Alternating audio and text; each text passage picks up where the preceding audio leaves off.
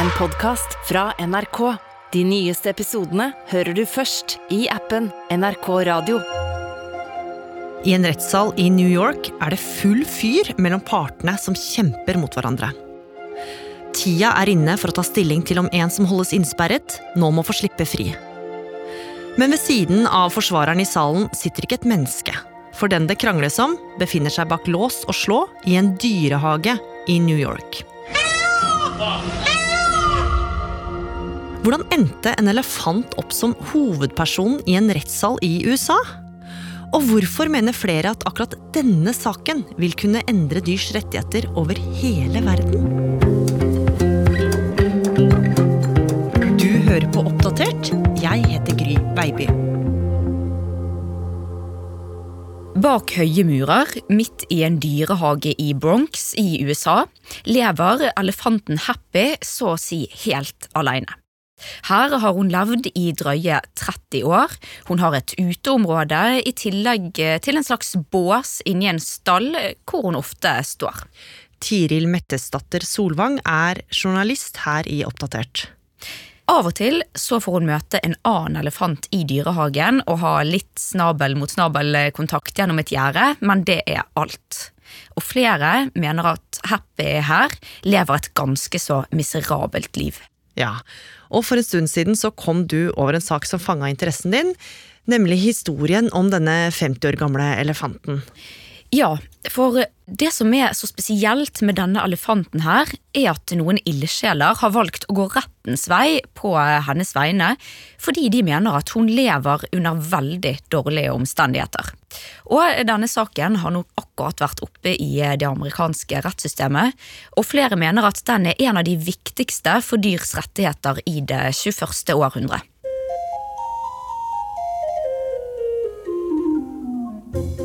Og hvordan Happy klarte å bli en slags representant for dyrene i verden, det er en ganske spesiell historie. For elefanten Happy starta egentlig livet sitt et helt annet sted på jordkloden, nemlig i Thailand. Her, midt i jungelen tidlig på 70-tallet, kom en liten babyelefant til verden. Og Happy, som hun seinere skulle bli kalt, levde her sammen med den ville flokken sin.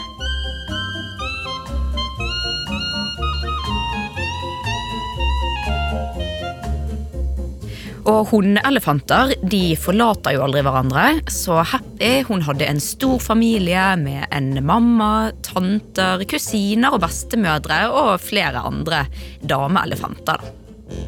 Her lekte de sammen, badet i vanndammer, rullet seg i gjørme, nusset på hverandre og gjorde sånne ting som ville elefanter gjør.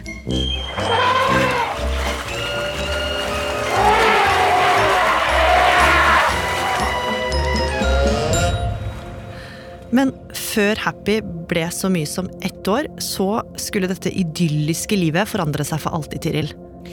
Ja. For det var noen som så på denne elefantflokken med noe annet i tankene enn at de levde i sus og dus i jungelen. På denne tiden så var det å fange elefanter og andre ville dyr, det var big business. Så en dag, da Happy ante fred og ingen fare, så dukket noen elefantjegere opp i buskene. De hadde fått en bestilling fra utlandet på babyelefanter, akkurat som Happy og seks andre i flokken. Og da de fikk øye på disse små elefantene, så gikk de i gang med å fange dem. Happy og de andre de ble splittet fra mødrene sine og resten av flokken og puttet i bur. De ble satt på et fly som skulle langt bort fra jungelen de hadde vokst opp i, nemlig over Stillehavet til USA, nærmere bestemt Florida. Det fins ikke så mange kilder på hva som skjedde på denne turen, men man kan jo tenke seg at det var en ganske traumatisk opplevelse for en flokk med babyelefanter. For de hadde jo ennå ikke rukket å bli større enn ganske store hunder? Ja, de blir nok splittet fra moren sin altfor tidlig. Den ene i flokken skal òg ha dødd på veien fordi at hun fortsatt var avhengig av melken fra moren sin. Hm. Men hva skulle de i Florida? Jo, i Florida her satt det en rik type som het Harry Shuster. Han var den som hadde bestilt Happy og de andre babyelefantene, noe han ikke trengte å cashe inn mer enn noen tusenlapper for. Og han, han hadde store planer. Han skulle bygge en egen dyrehage, Lion Country Safari, ikke så veldig langt fra Disneyland, som lå like ved. Og her så skulle han få ville dyr fra hele verden som amerikanere og turister kunne komme og se på. Og Happy og resten av babyflokken de skulle bli sånne små dumboer i dette ville dyr-universet hans. Lion Country Safari. Close enough to touch, but don't. Lion Country Safari. San Diego Freeway in Orange County at Moulton Parkway. Og det var her Happy fikk navnet sitt. Helt riktig. For i tråd med denne Disney-dillaen som denne Shuster hadde, så ble Happy og de seks andre elefantene nemlig oppkalt etter de syv dvergene fra Snøhvit. Og Happy er da den vi kjenner som lystig på norsk. Men om livet faktisk var så lystig for en som kom fra et fritt liv i jungelen i Asia, det kan vel diskuteres. For nå begynte et liv med hardt arbeid for de små elefantene. Men Happy hun skulle vise seg å skille seg litt ut fra de andre, Tiril. Ja, for de ansatte i dyrehagen la tidlig merke til at Happy hun var en over snittet sterk elefant. Og avisene de omtalte hun som et atletisk talent. Og Dyrehagen arrangerte sånne tautrekkingskonkurranser mellom hun og store amerikanske fotballag, som hun ofte vant. I tillegg så var hun veldig intelligent, så hun fikk både tøffere fysiske og mentale oppgaver enn de andre elefantene. Der hun måtte lære triks som å stå på bakbeina, gjøre en form for elefantsitup og til og med danse vals. Så det her var jo en elefant utenom det vanlige, og god underholdning for publikum i parken. Men livet hadde bare så vidt begynt for den fortsatt unge Happy. Og nok en gang skulle alt endre seg drastisk for henne. Ja, for akkurat hvor lenge Happy var i dyrehagen i Florida, det er usikkert. Men på ett tidspunkt så ble hun splittet fra elefantflokken sin, der noen ble solgt til sirkus og andre sendt til dyrehager andre steder. Men det var spesielt én av de andre babyelefantene Happy hadde knyttet uatskillelige bånd til, nemlig Grumpy. De var visstnok umulig å få fra hverandre, så da Happy ble kjøpt opp av en dyrehage i Texas, da måtte Grumpy òg bli med. Men Texas det ble ikke siste stoppested for Happy, som nå hadde begynt å bli litt av en globetrotter. Igjen var det noen andre som hadde fått øynene opp for elefanttalentet og ville ha klørne i henne. Så på slutten av 70-tallet ble Happy, sammen med Grumpy så klart, sendt til det som skulle bli deres siste stoppested, nemlig Bronx Zoo i New York. Do you know what the Bronx Zoo is? The Bronx Zoo is a place where animals come from all over the world to see what people look like. Og her så la jo igjen de ansatte i dyrehagen merke til at Happy var litt spesiell. Hun hadde jo dette atletiske talentet, og hun lærte fort, så dyrehagen skjønte at hun her kunne de tjene mye penger på. Så Happy skulle de gjøre til en superstjerne i dyrehagen. You can't miss our next lovely lady, as we're going to visit with Happy, our Asian elephant.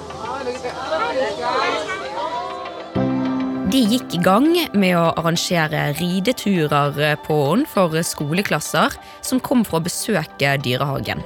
Så hun måtte ri rundt med både én og flere barn på ryggen. Og utover 90-tallet så kunne man se henne ikledd bl.a. en blå og svartprikkete polkakjole som hun måtte gjøre masse forskjellige triks i foran et jublende publikum. Men det var jo ikke bare dyrehager og tilskuere som hadde lagt merke til at denne elefanten den hadde litt unike evner. Nei, Siden hun var så talentfull på så mange områder, så ble hun etter hvert med i et forskningsprosjekt. Og her ble hun testet av forskerne for å se hvor glup hun faktisk var. Forskerne plasserte Happy foran et stort speil med et påmalt kryss over eh, øynene hennes. Og gjentatte ganger brukte Happy snabel for å ta på dette krysset, som hun kunne se i sitt eget speilbilde. Så denne testen den viste at Happy og andre elefanter da, hadde selvbevissthet. Altså skjønte hun at hun var et individ som skilte seg ut fra omgivelsene. Og dette viser igjen tegn på empati, altså stor sosial intelligens. Så Happy var rett og slett supersmart? Ja, og det er kun aper og delfiner som har bestått sånne speiltester før. Så at Happy gjorde dette, det var ganske revolusjonerende. Og akkurat denne testen her, den skulle bli helt essensiell for Happy noen år seinere. Men til tross for at Happy både var et intelligent vidunder og en kjempeattraksjon, så var det etter hvert noen som skulle begynne å reagere på at livet hennes det var kanskje ikke helt som det burde være i dyrehagen. Ja, for etter noen år med hardt kjendisliv i Bronx dyrehage, så skulle Happys liv nok en gang få en dramatisk vending. Da ble Happys gode venn Grumpy, som hun var veldig glad i, angrepet av to andre elefanter i dyrehagen. Og Grumpy hun ble så skadet at dyrehagen ikke så noen annen utvei enn å måtte avlive henne. Og vi vet jo at elefanter er blant de dyrene som kan forstå når noen de er glad i, går bort, og de sørger jo dypt over dette. Ville elefanter har tidligere blitt observert med å sørge rundt skjelettrestene til flokkmedlemmene sine over lang tid. Så det kan nok tenkes at dette virkelig satt et dypt arr i Happys liv. Og etter denne ulykken med Grumpy så ble Happy plassert med en annen elefant, nemlig Sammy. Ja, og Sammy ble fort Happy sin nye bestevenn. Men etter få år så døde Sammy òg, og da ble Happy plassert helt alene. Og Dyrehagen de bestemte seg da for å ikke kjøpe inn flere elefanter av at de hadde allerede hatt så mye død og, og sykdom der. Mm. Men folk begynte å stusse over dette her, altså forholdene i dyrehagen, for nå hadde jo to elefanter dødd, og folk lurte på hvorfor, og ikke minst også hvorfor Happy nå måtte leve helt aleine. Ja, og det hjalp lite for Dyrehagen at de på denne tiden, i 2018, havnet på listen over topp fem verste dyrehager for elefanter i USA. Og utenfor innhegningen til Happy så begynte det da å dukke opp dyrevernsaktivister og journalister som ville se og dokumentere hvordan Happy faktisk hadde det. Happy the Elephant has been solo since 2006 in what animal rights activists describe as a cramped and lonely enclosure. To say that elephants and every single other animal, just because they're not human, has to remain relegated to the status of property, of thing, like a car, is simply wrong.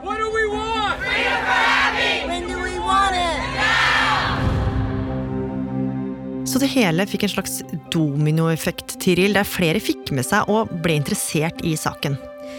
Ja, flere kjendiser de kastet seg på, som skuespiller Mia Farrow, gitaristen i Queen, den kjente filosofen Peter Singer, i tillegg til andre politikere og dyrerettsadvokater over hele verden. Og en underskriftskampanje for å slippe Happy fri ble også startet. Den fikk over 1,5 millioner underskrifter. Men Dyrehagen de nekta for at noe var gærent. De mente at Happy hadde det bra. Ja, altså, De sa jo at hun fikk eh, både pedikyr og fotbehandling hver dag, pluss masse kjærlighet, kos og stell hele tiden. Og grunnen til at hun måtte stå alene, sa Dyrehagen var for hennes eget beste. For hun kunne nemlig være ganske så kranglete med andre elefanter. Ja, men kritikerne de ga seg ikke. Og det hele fikk en ganske annen tone da den amerikanske dyrevernorganisasjonen Non-Human Rights Project bestemte seg for å avgjøre Happys skjebne en gang for alle. De tok saken til retten med mål om å få Happy ut av dyrehagen og inn i et eget naturreservat for elefanter. Og det å få en elefant inn i en amerikansk rettssal, det hadde aldri blitt gjort før. Og mange trodde at det heller aldri ville gå, og at retten aldri kom til å ta en slik sak. Men i november 2018 så skulle disse få seg en overraskelse. Da sa retten i New York rett og slett ja til å vurdere Happys sak. Og det her, det var historisk, Tiril. Det var det. For dyrevernorganisasjonen tok i bruk et spesielt juridisk prinsipp som heter habeas corpus. Hva er det? Det handler om at hvis noen har fengslet deg eller fratatt deg friheten på en eller annen måte, så har du retten til å stå overfor en domstol. Eller vi mennesker har i hvert fall det. Dette habeas corpus det har ikke blitt brukt på andre dyr enn sjimpanser tidligere, før nå. For det var dette prinsippet dyrevernerne nå ville bruke for å få Happy fri. Ja, Så de ville argumentere for at Happy nå skulle få prøvd denne friheten for en domstol. Og de la en plan for å få til det. Ja, de mente at Happy hadde rett til å ikke være fanget. Og for å kunne kreve det, så hadde de én ting de måtte bevise, nemlig at Happy kunne regnes for å være en person. For dette prinsippet, habeas corpus, kan bare brukes på personer. Og dyr regnes ikke for å være personer etter amerikansk lov.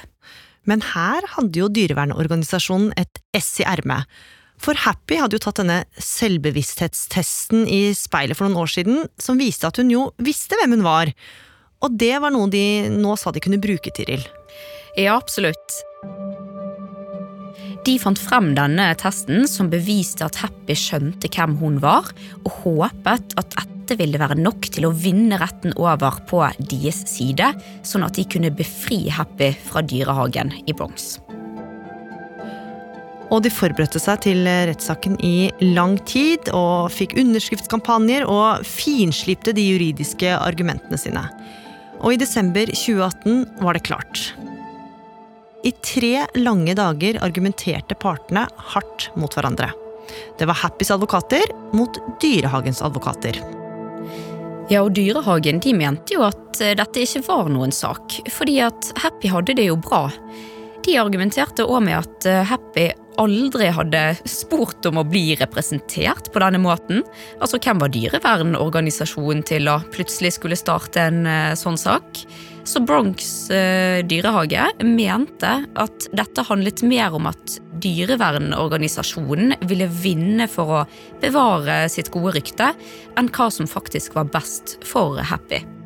Og I tillegg så argumenterte de jo for at dersom Happy faktisk skulle bli sluppet fri, ja, da måtte jo alle andre elefanter i fangenskap i andre dyrehager òg få slippe fri. Fem måneder etter kom dommen. Og til tross for dyrevernorganisasjonens ganske kløktige plan, så gikk det jo ikke helt som de hadde håpa. Både og. Retten anerkjente at Happy var et intelligent vesen som måtte behandles med respekt og verdighet. Men å gi henne tittel som en person, det ble litt i drøyeste laget for dem. Det ble omtalt av retten for å være for far-reaching, altså for radikalt. Hmm. Men eh, dyrevernorganisasjonen de tok ikke et nei for et nei. De var fast bestemt på å få Happy ut av dyrehagen, og anka saken til den høyeste rettsinstansen i delstaten New York, The Court of Appeals. Og de fikk avslag, men prøvde igjen. Og hele tre ganger fikk de nei fra retten. Men i januar 2021, da ble svaret et annet. Ja, da ble det nok et historisk øyeblikk å notere seg.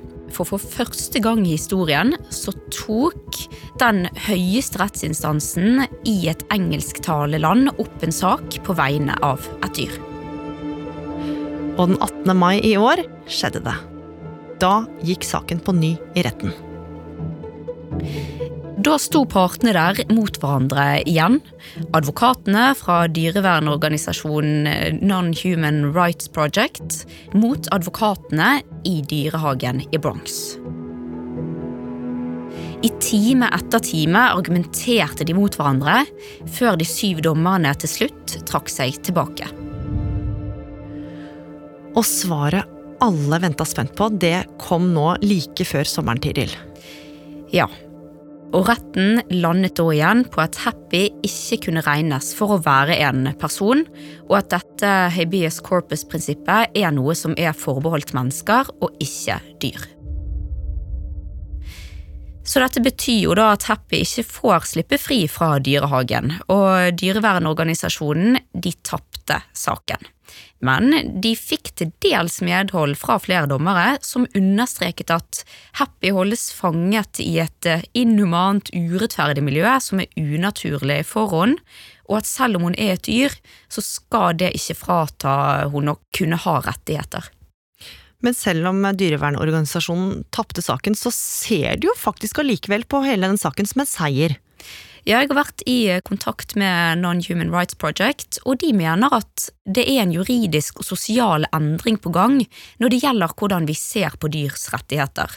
For det første så er det jo ganske utrolig at en sak om en elefants rett til frihet gikk helt til topps i høyesteretten i New York, som tyder på at retten syns spørsmål rundt disse temaene er interessante. Og for det andre så mener Dyrevernsorganisasjonen at denne saken som helhet viser hvordan vi mennesker kanskje begynner å tenke nytt rundt dyrs rolle i verden. At de ikke bare er til for å underholde oss mennesker, men faktisk òg bør kunne regnes som individer som har en rett til å være fri. Så selv om dyrevernorganisasjonen tapte, så omtaler likevel flere denne saken som den viktigste saken for dyrs rettigheter i det 21. århundret, fordi at det kan være forløperen til en rekke flere i tiden som kommer.